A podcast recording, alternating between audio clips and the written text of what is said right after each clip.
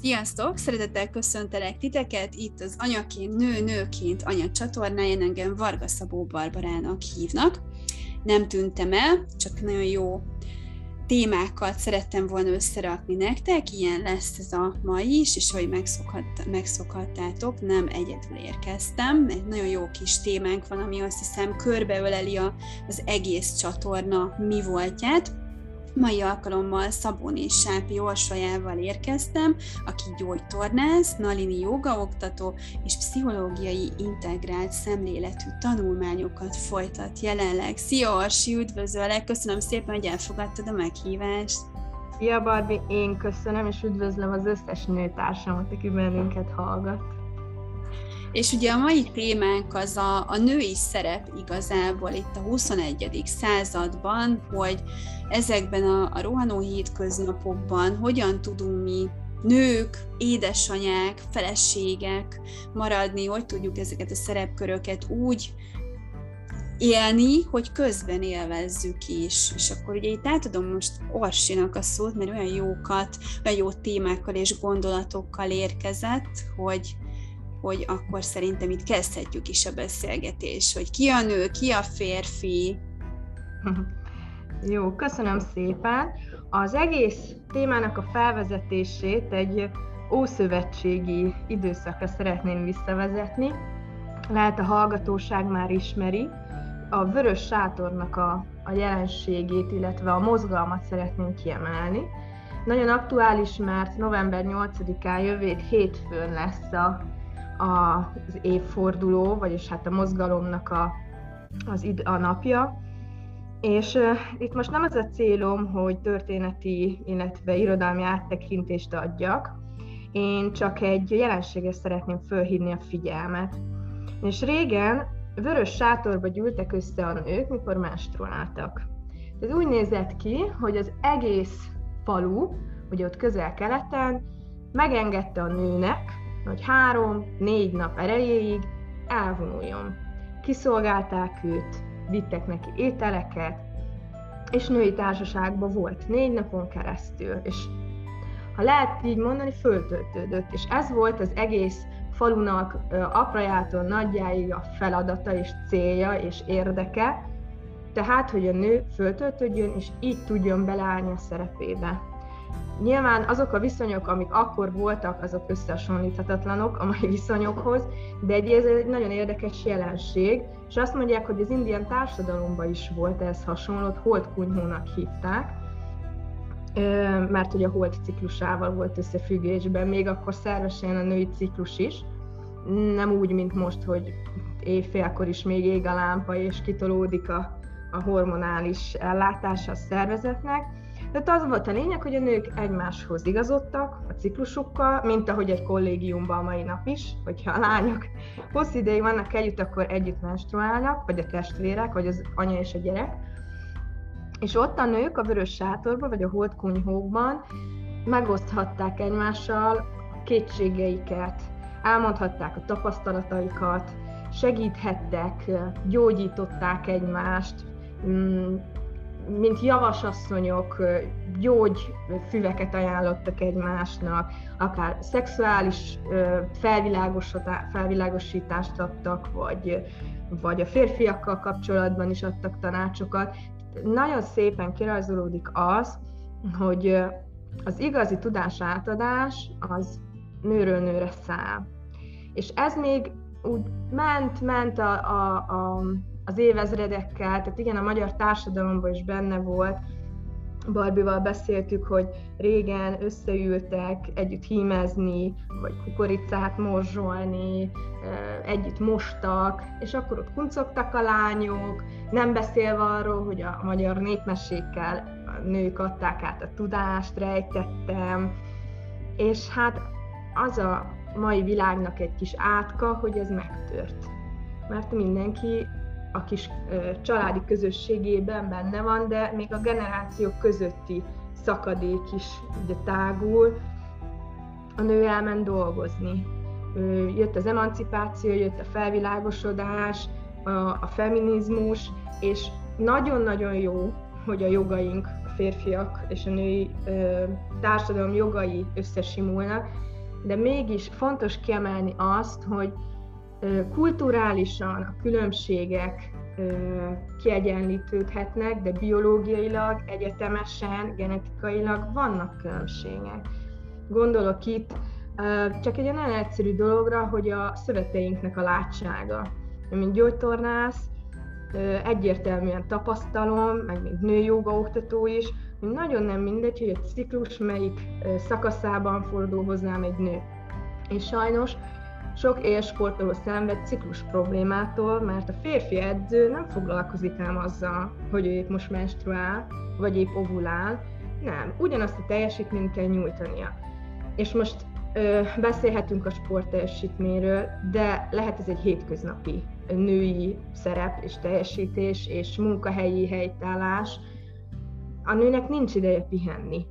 É, egyébként utána kutattam, nagyon sok keleti országban van már menstruációs szabadság, adnak mm, kettő-három napot, fizetett szabadságot, hogy a nő kipihenje magát, mert megint csak a, a munkáltatónak az a, az érdeke, hogy jobban teljesítsen. Egy görcsölő, egy memóriazavaros, egy szétszórt nővel, ő se tud ugye előre haladni, így eh, nagy multik, mint a Nike, meg a Toyota már ad a nőknek menstruációs szabadságot. De hát ugye itt a kérdés, hogy ott van kettő, három, akár egy gyerek is, meg egy férj, na akkor most mi lesz? És én úgy gondolom, hogy a kultúra nagyon meghatározza azt, hogy mi az elfogadott és mi nem. Tehát, hogyha mi egy családon belül, akár szubkultúrában elmondjuk tiszta kommunikációval az igényeinket, egy ilyen egyszerű igény. De kezdhetjük azzal, hogy kérek két órát. Csak hogy pihenjek, vagy olvassak, vagy elmenjek sétálni, vagy egy kávéra. Már az egy, ez egy nagyon kedves dolog. És egyébként a család egy idő után nekem volt olyan barátnőm, ismerősöm, aki azt mondta, hogy már a gyerekek kérték, hogy anyám, légy szíves, kicsikét legyél magad, de mert nekünk is sokkal jobb. Ezt kell belátni a nőknek. Nyilván genetik, vagy generációsan van bennünk egy séma. Itt volt a szocializmus, itt volt kemény történelmi múlt, ami Magyarországot ugye belengte. Hát ezt így visszük. Nem vesszük észre, mert mintákat adnak át a szülők, dédszülők, nagyszülők, saját édesanyánk, és bele vagyunk ragadva. Nem tudjuk kívülről nézni. Azt kell egyébként megtanulni, hogy hogy csak egy picikét úgy álljunk meg, és nézzünk rá a cselekedeteinkre, vagy, vagy az érzelmeinkre, egy is ugyanaz, és ennek alapján próbáljuk meg változtatni. És utána lehet, hogy már nem is lesz premenstruációs szindróma, mert a nő érzi, hogy most mire van szüksége, nem kell neki diagnózist adni, nem az a gond, hogy eltolódott a hormon egyensúly, hanem az, hogy nem tud pihenni. És, és, és itt egyébként hívjuk fel a figyelmet a kommunikációra, meg, meg a határszabásra. Mondjuk a határszabás nekem se megy túlzottan jól. Én, én, én most tanulgatom ezt, hogy olyan körökbe járok, ahol azért a mentoroktól én is tudok, meg a, a tanítóktól tanulni, de hogy, hogy az nagyon-nagyon fontos a mindennapokban, egy családban, hogy hogyan kommunikálunk a párunkkal, hogyan a gyerekünkkel, most nyilván itt aztán ilyen, ilyen nagy családi korképeket nem akarunk lefesteni, felfesteni, és mindenki kiveszi belőle azt, amivel ő együtt tud rezegni, de, de nem orsi, hogy azért, hogy én egy kapcsolatban, egy családba, a szüleimmel, a párommal nyíltan el tudom mondani azt, hogy, hogy én most nem érzem jól magam, most én szeretnék egy két órát, amikor nem tudom, kimegyek a normafához, és megölelgetem a fákat, vagy a mhm. barátnőkkel csacsogok, vagy eszek egy fagyit, vagy mit tudom én, bármit csinálok, akkor ezt értsék meg, mert hogy én nagyon sok kolléganőmnél is tapasztaltam, hogy, hogy nem megértő a család, mert ő nem meri elmondani a szükségleteit, és ők meg nem tudják biztosítani pont azért, mert csak annyit látnak belőle, hogy na, megint igen, hisztis, akaratos, és te atya úristen, bújjunk el a feleségünk elől, a gyerek meg az anya elől, mert hogy, hogy fú, itt már, már megint ilyen, ilyen vulkánkitörés lesz Tehát hogy ezért nem mindegy, mit hogyan tálunk, és hogy mit merünk, és az a baj, hogy egyáltalán erről, hogy beszélni kell, hogy én elmerjem mondani azt családon belül, hogy velem ez meg az van. Igen. Igen, amit mondasz, az a tiszta vagy asszertív kommunikáció, de ehhez az első lépés talán az, hogy a nő rájöjjön arra, hogy mire van szüksége. Megfogalmazza saját magának, és ezt úgy közölje mással, hogy a belső érzelmeit mondja, nem támadólag, nem követelve, hanem elmondva, amit te is mondtál, hogy szükségem lenne egy kis időre. Én úgy gondolom, hogy ha ezt valaki nem érti meg, na akkor nagyon el kell gondolkodni azon, hogy mi, mi is állhat pontosan a háttérben, és nem szabad, hogy játszmák legyenek belőle, egóharcok, mert ezek ilyen egyetemes szükségletek. Itt nem egy ilyen egoista, önző, ami, ami egyébként sokszor így állítják be a médiába is, például ha menstruálsz és menj el boxolni, nem kell, hogy ez látszódjon. Nem, egy nő igenis egy gyenge.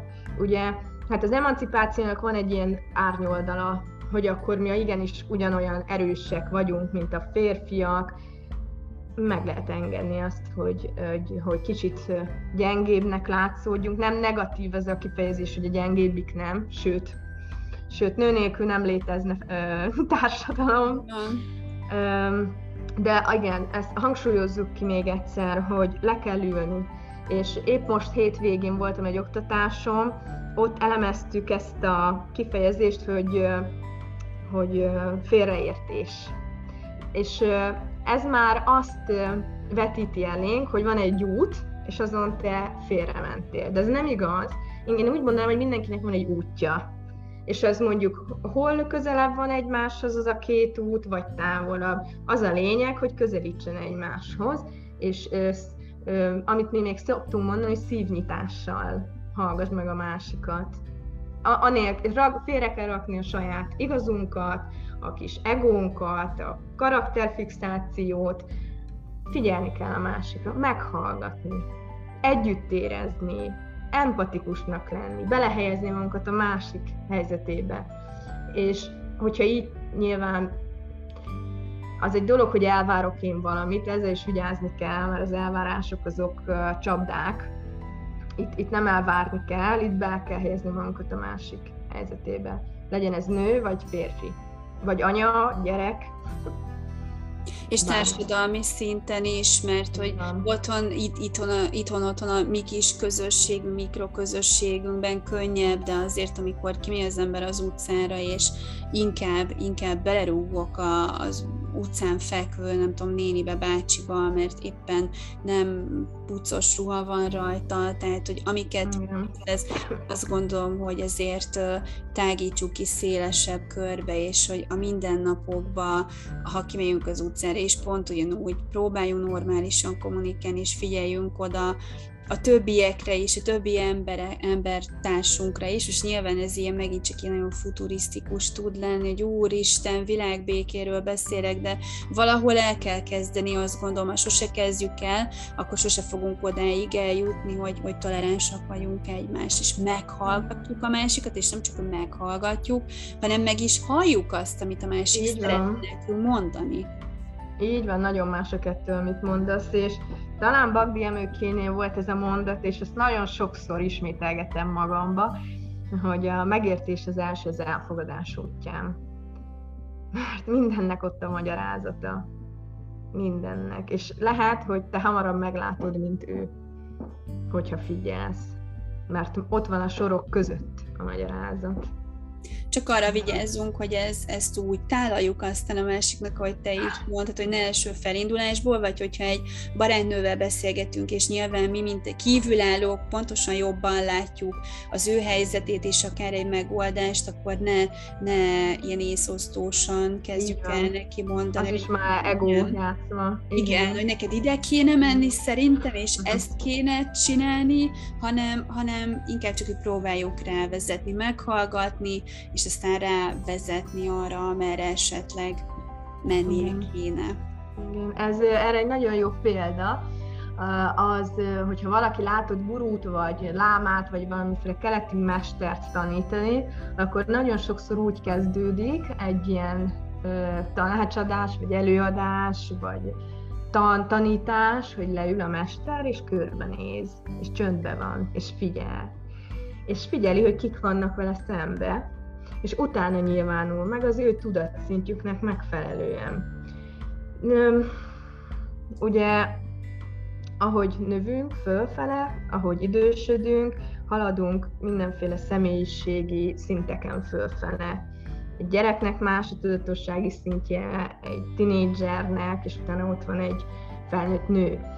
És rá kell vegyük, és ráadásul itt, itt nagyon jó, hogy nőkkel beszélgetünk, mert a nő nagyon intuitív, a nő sokkal jobban érzékel. Neki nem üs vagy fuss a, a, az evolúciós mintája, hanem gyere és kapcsolódj. Vagy találtam egy nagyon jót, ezt felolvasnám, nem ö, kötődj hozzá, gondoskodj róla, árazd el szeretettel, vigyázz rá, érésd meg. Ez a női minta. És emiatt van az, hogy az egészségügyben az ápolónők, a gyógytornászok, a, az elfekvőn lévő doktornők, azok ugye hát nők, vagy doktorok nők, mert, mert rá tudnak kapcsolódni az emberekre. Meg aztán férfiaknak itt van fontos szerepük, hogy fejlődjenek ebbe. Nagyon nehéz, mert ők nem így lettek teremtve, bennük ott a tesztoszteron. De ez a fejlődés, ami a mai világban van, rákényszeríti őket, hogy igenis, a gyere és kapcsolódj elvét kövessék ők is. Ez borzasztó nehéz. Tehát az, hogy nálunk például édesapám volt gyesen a hugommal, és, és egy nagyon jó szívű ember. És nagyon érdekes, hogy nagyon-nagyon könnyen is megértjük mi egymást, pedig azért csak nő vagyok, ő meg egy férfi. Szóval, hogy nyílik a világ, azt üzenem a nőknek, hogy tartsanak ki, tanítsák a férfiakat, mert rajtunk van a világ szeme.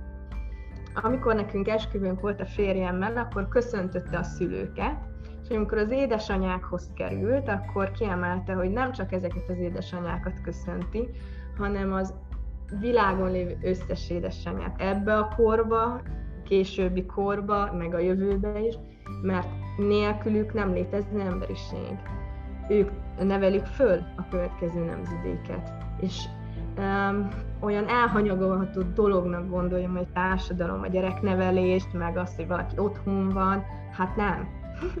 Ennél nagyobb feladata egy, egy anyának nem is lehet, és uh, most behozom az egyik barátnőmet, uh, imád otthon lenni. Uh, három gyermeke van, és, és mégis azt mondja nekem, olyan haszontalannak érzi magát mindenkire rábízom, hogy ez miért alakulhatott ki nála.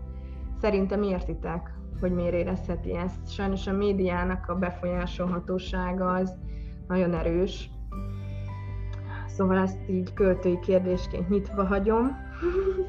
Meg hát ugye nyilván most már, ma már más a nőnek a szerepe, és ugye az elején is mondtad, azért nagyanyánknak nem volt nem volt, volt dolga, de hogy a, a tüzet őrizte otthon, amíg a férje ugye elment és dolgozott és hazajött, és így, így tök jó, hogy persze mi is itt vagyunk, egyenjogúak, és akkor tehetünk egy csomó dolgot, de hogy így, így nagyon összekeveredett, azt hiszem ez a, a női mi volt, az erő, a férfiasság, hogy most akkor ki a család fenntartó, a szerepek hát átrendeznek teljes mértékig, és akkor persze, hogy jönnek az embernek ilyen gondolatai, hogy akkor most így idézőjelben mondom, hogy én csak itthon vagyok, és hogy nekem hm. nincsen, nincsen más szerepem pedig nagyon fontos szerepet tölt be akár egy, egy főállású édesanyja is, hiszen, ahogy mondod, ugye a jövő nemzedékét neveli, és ezáltal azt hiszem, hogy egy, egy eszméletlen nagy értéket is teremt, hiszen rajtunk múlik az, hogy az elkövetkezendő generációknak majd mi lesz fontos, és mi sem Úgyhogy tényleg a nőkön a világ szem, és igazából most, most ugye hát engem nem fognak látni a hallgatók, meg téged se, de hogy piros pulcsiba vagyok, így vörös sátorra jutott ez. Nagyon jó. Pont azokat a napjaimat is. Nekem is piros van. Na tessék, se beszéltünk. Na és Sorsi, akkor ezek a, ezek a mindennapok, de hogy, hogy ahhoz, hogy mi jól érezzük magunkat a bőrünkben, mit tudunk tenni? Ugye most itt beszéltünk a lelki vonulatról, hogy, hogy az értő és érző kommunikáció, hallani és meghallani, de hogy ezen, ez még én azt gondolnám, hogy nem feltétlenül elég, mert a testünket is kell egy kicsit táplálni, edzeni, mit tudunk még, te mit javasolsz? Hát ugye, hogy említetted, nem elég a lélek, és visszafele is, hogy nem elég a test, tehát hogy ez egy szerves egység. Gondoljunk csak arra, ha mondjuk rosszat teszünk. A pszichénk az képtelen tisztán gondolkodni, és ugyanígy visszafele. Ugyanúgy ápolni kell a testet, de nem kell túlértékelni, ha fogalmazhatok így. Tehát mindig az arany középút az optimális. Sose a maximális, hanem az optimális a, a, legki, a legfontosabb, én úgy gondolom. És akkor hát, mint gyógytornász, én mondanám a testmozgást. Nagyon nehéz magunkat rávenni, borzasztó, ö, energiákat igényel, és én ezt tanácsként, és ha, ha tőlem kérnek tanácsot mozgással kapcsolatban, én azt tudom mondani, hogy mindenki keressen. Keressen kitartóan. Mert lehet, hogy divatban elmegy egy cross tréningre az édesanyja, és szenved. Nem hallgat magára, kínlódik. Tapasztalhatja azt, hogy nincs kedvem elmenni edzésre. Nehezen veszem rá magam. Ezek mind ilyen jelek, rejtett jelek. Nézzen akkor mondjuk pilates néz, nézze meg a futást. Futással azért óvatosan, mert a gátizom, a szöveti lazasság, a hormonrendszer nincs olyan módon felkészülve a női test a futásra, mint a férfi test, de ha mondjuk gyors gyalogol, mm, vagy mondhatnék bármit, vagy táncol, tehát a, a, tánc is sport, vagy egy reiki, vagy egy jóga, az a lényeg, hogy mindenki keresse meg a saját személyiségének megfelelő mozgásformát, és onnantól kezdve azzal nem kell foglalkoznia, hogy teher, mert kedvel csinálja, mert fölszabadul az endorfin, mert a mozgás az kedvcsináló. Tehát a hormonrendszerre hat. Én, amikor a nőjogát tanultam, és az ászanákat, a, a joga gyakorlatait, akkor mindig részletezni kellett azt, hogy melyik hormon ö, szervre hat, melyik belső árasztású mirigyre. Tehát nagyon-nagyon bölcs a mozgás, de vigyázzunk vele, illetve még azt tudom tanácsolni a hölgyeknek, hogy úgy végezzenek mozgás, hogy szerves része legyen a napjuknak.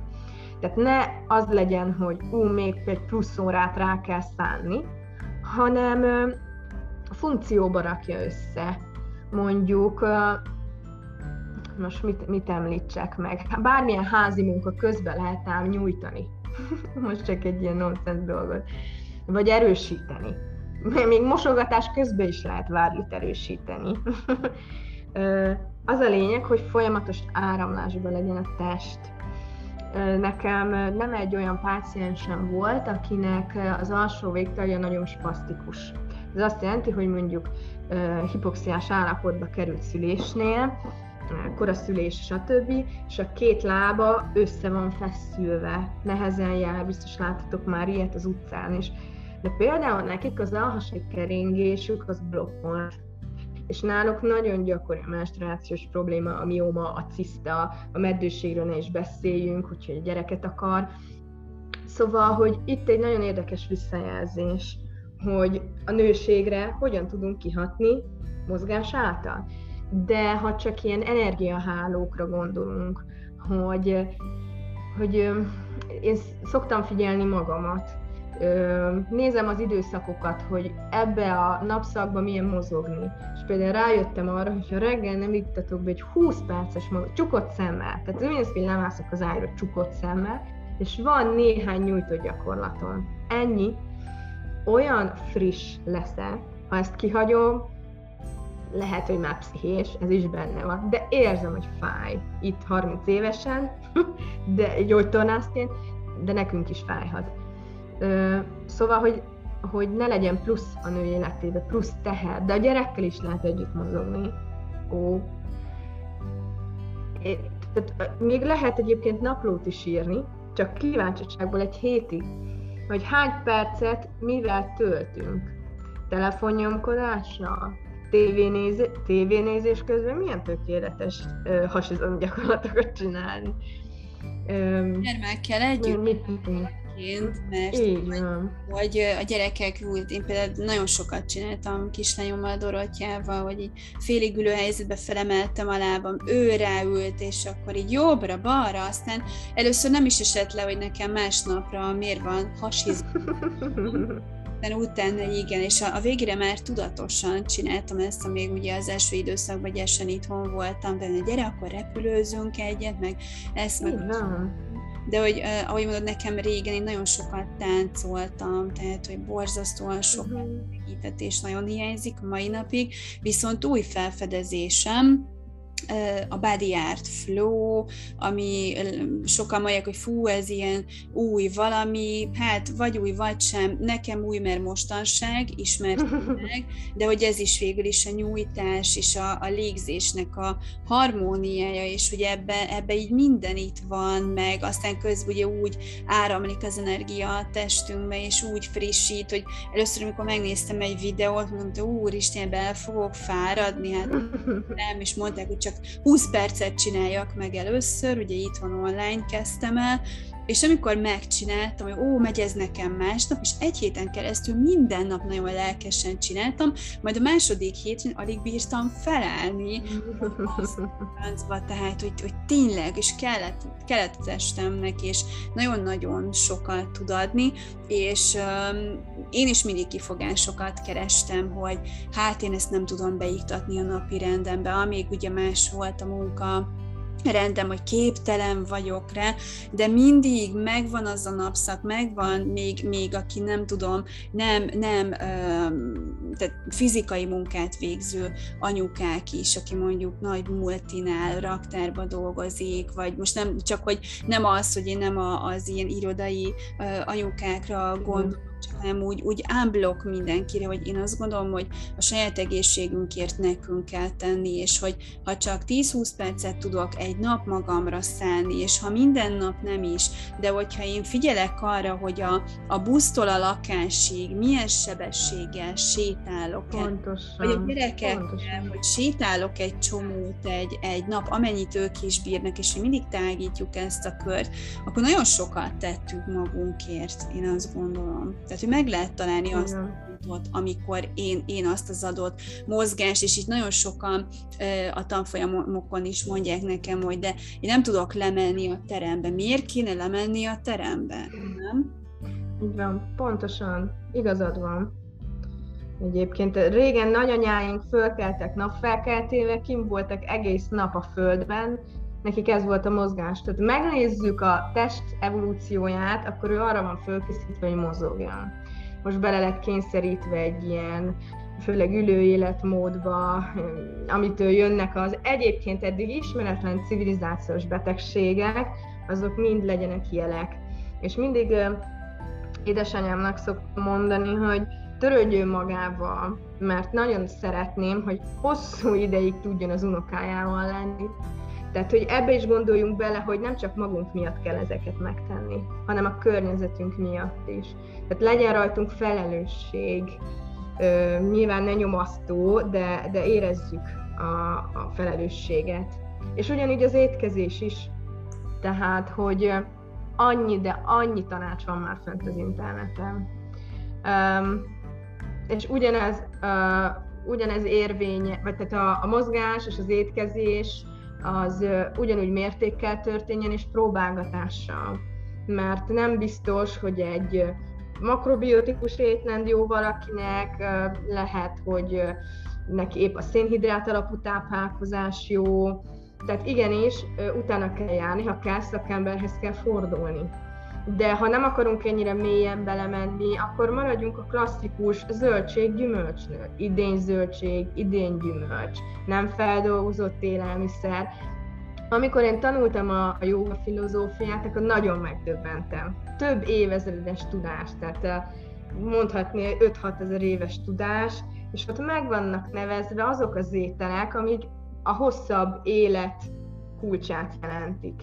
És ezeknek adnak nevet, és amilyen nagyon földi, ami, ami lehúz, azt úgy hívják, hogy tamasztikus minőség, ilyenek a negatív emberek, ugye földre húz, a, a sötét színek, és ilyenek a feldolgozott ételek, a mélyhűtött ételek, a, a mindenféle adalék anyaggal teletömött ételek. Egyébként ők azért hozták létre ezt a, ezt a rendszert, mert azt szerették volna, hogy a testük az a szellemi síkokra koncentráljon. Érezzük egy jó zsíros ebéd után, hogy jól esik lefeküdni, aludni, mert az összes vér a gyomrunkba megy, leterhelődik. Meg, megterhelő, nagyon a szervezetnek. Ezért ilyen egyszerű zöldséggyümölcs, a klasszikus régi lisztfélék, ugye már ismerős a gluténnak a veszélye, vagy a laktóznak a veszélye. Um, nagyanyáink idejében azért nem volt gluténérzékenység, mert a kovász megette a, a, gluto, vagy a, a glutént. Um, azért nem voltak elhízva akkor is, hogyha jó, zsíros, totyogós hurkakolbászt tettek, mert előtte egész nap kindolgoztak a földön. Mi meg most, ha úgy van reggel, délbe és este még a maradék hurkakolbászt tesszük, tehát erre nincs felkészülve a szervezet. Meddőség egyébként jöhet abból, hogy a zsírmetabolizmus és minden nincs rendben a női szervezetben. Tehát amikor valaki ezzel küzd, akkor nem elég nőgyógyászhoz járni, vagy pszichológushoz, már az is egy különleges dolog, hogyha nem rodáig eljut, hogy meddőség esetén lehet, hogy a pszichével is foglalkozni kell, hanem igenis a táplálkozásban kell változtatni. Vagy a mozgásban. A Nalini női joga rendszerében Kovács Gyöngyi, aki nekem tanított, ő a mesterem, föl tud mutatni több tucat édesanyát, akinek egy, egy ilyen klasszikus joga gyakorlat sorra segített a meddőségén. Ennyi ne üljünk bele a, kanapéba, ne vegyük a chipset a kezünkbe, hanem haraphatunk almát is. És mindenféle zöldségből és gyümölcsből készült finomságot is. Bizony, bizony. Zö, a, a levesek, a, a saláták, a, a, na, tehát na, nagyon jó dolgokat lehet csinálni, csak az ember kezdje el. Idegen, a magyar kultúrának teljesen idegen, de amikor én nagyapámat kikérdeztem, hogy náluk hogy volt egy heti étkezés, akkor azt mondta, hogy heti egyszer volt hús. Ugye nem volt elérhető, nem úgy, mint most, hogy a mélyhűtött Lidl nyulat elővesszük, hát azt valamikor le kellett vadászni. És hogyha nem volt hús, akkor bab. Azzal pótolták, és ennyi. Tehát ugye ez is egy új dolog. És most, ami, ami igazából ilyen, ilyen tehát hogy meg, megfordultunk, mert ugye akkoriban még a, a búzalisztből készült dolgok, azok, azok milyen, milyen az volt a nagy szám, hogy ezt meg tudta venni, és ebből tudott bármit készíteni. Ma meg, mert akkor mondjuk egy, egy csicsókát megtermeltek, és, és ennyi hozzájutottak, ma meg már milyen borsos áron mérik ezeket, ami, ami ugye reformételek, de hogy, hogy nagyanyáik... Jó igen. Uh-huh. Igen. Hát ugye nehéz, mert plusz ö, anyagi támogatás kell ahhoz, hogy már biozöldségeket termesztünk. Mert olyan kritériumok vannak, ö, így ö, iparilag is, meg jogilag is, illetve hát nehéz ilyen körülmények között biotermékeket találni és termeszteni. De csak hát, hogy hány gyár épül körülöttünk, és hogy ontják magából, mert lehet, hogy, hogy egy csomó iparág megszűnt, ami, ami régen menő volt, és nagyon sok embernek adott munkát, most itt nem kezdünk létezni, is mindenki tudja, hogy melyek azok, de újabb és újabb dolgokat talál az emberiség, amivel marha jól lehet a környezetet is szennyezni, és ha a környezetet szennyezzük, akkor azáltal nem csak mi emberek, hanem a körülöttünk érő növény és állatvilág is sérül, és most nyilván nem egy ilyen védjük meg a földet kampány videó, akár lehetne egyébként az is, csak hogy vegyük észre, hogy amiben élünk, arra a környezetre, ha vigyázunk, akkor a környezet is fog ránk vigyázni, és meghálálja azt, és ugyanígy, hogyha a szervezetünkre, a testünkre, a lelkünkre, a szellemünkre vigyázunk, akkor ő is meg fogja hálálni, és egy sokkal egészségesebb közösségben élhetünk, és aztán a, a gyermekeink is, meg az eljövendő. Hát az oktatás. Így van. Gyerekeinknek mit tanítunk meg, és ők mit, mit visznek tovább. Nagyon fontos. Legyünk példák. Bizony. Mert, mert magunkért igazából mi vagyunk a felelősek. És senki más nem fog úgy törődni velünk, mint hogy mit tudunk magunkkal. Tehát ne rakjuk ki a felelősséget, igenis vegyük a vállunkra. És, és rendszerezzük meg magunkat, ne, ne engedjük ki a kezünkből ezt üzenem minden nőtársamnak, és egyébként, ha lehet, akkor keressék egymás társaságát. Ez egy fontos üzenetem ebbe a podcastbe, hogy ne rivalizáljunk, ne irigykedjünk. Van egy olyan mondás az egyik kedvenc filozófusomtól, hogy mindenkinek igaza van, mert mindenki birtokolja az igazság egy részét. Tehát a részigazság mindenki ott, mindenkinek a kezében van. Ez tisztelni kell a másikban. És hogyha így nézünk a másikra, akkor biztos lehetünk abban, hogy támogatni is fognak.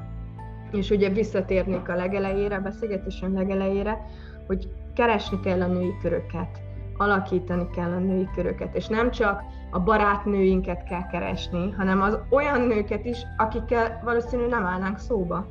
Mert valószínű van olyan tudás nálunk, náluk, ami nekünk fontos lehet és üljetek össze, és keressetek a közületekben, mert nagyon sok női kör van. Mi is most indítunk egyet itt Budajon a Patika kertbe, mert azt látom, hogy el vannak szakadva egymástól a nők, nincsen segítségük, nem tudnak átmenni a szomszédba egy tojásért, az ebédhez, mert ciki. Még nem is ismerjük a szomszédját. Beköltöztünk, élünk, és, és akkor igazából ennyi. Igen, igen, Merje, merjetek nyitni. Ne féljetek sérülni. Abból is tanulunk és fejlődünk általa. Hát most én nagyon szépen köszönöm neked, nagyon szép zár, záró gondolat, a, a nő, női kör, meg ugye, amiket előtte is mondtál. Én köszönöm szépen, hogy itt voltál, és tudtunk beszélgetni egy kicsit ezen a nagyon nem olyan szép őszi kora délutánon. Én köszönöm szépen a lehetőséget, és nem is mondok többet, mert az már sok lenne. Az a lényeg, hogy köszönöm mindenkinek. Majd folytatjuk egy következő részbe, mert azt gondolom, hogy itt egy olyan gondolatmenetet indítottunk el, amit azért még itt lehet vinni, úgyhogy Orsival fogtok még találkozni. Legalábbis remélem, hogy majd elfogadod még. Ó, természetesen. és ha bármi kérdésetek van, akkor nyugodtan írjatok, és én továbbítani tudom a kérdést Orsi fele is. Köszönjük szépen, hogy velünk voltatok a mai napon. Ez itt az Anyaként Nőnőként anyacsatornája. Szabó Nésápi Orsolyával beszélgettem, engem pedig Varga Szabó Barbarának hívnak. Szép napot kívánunk mindenkinek, sziasztok! Sziasztok!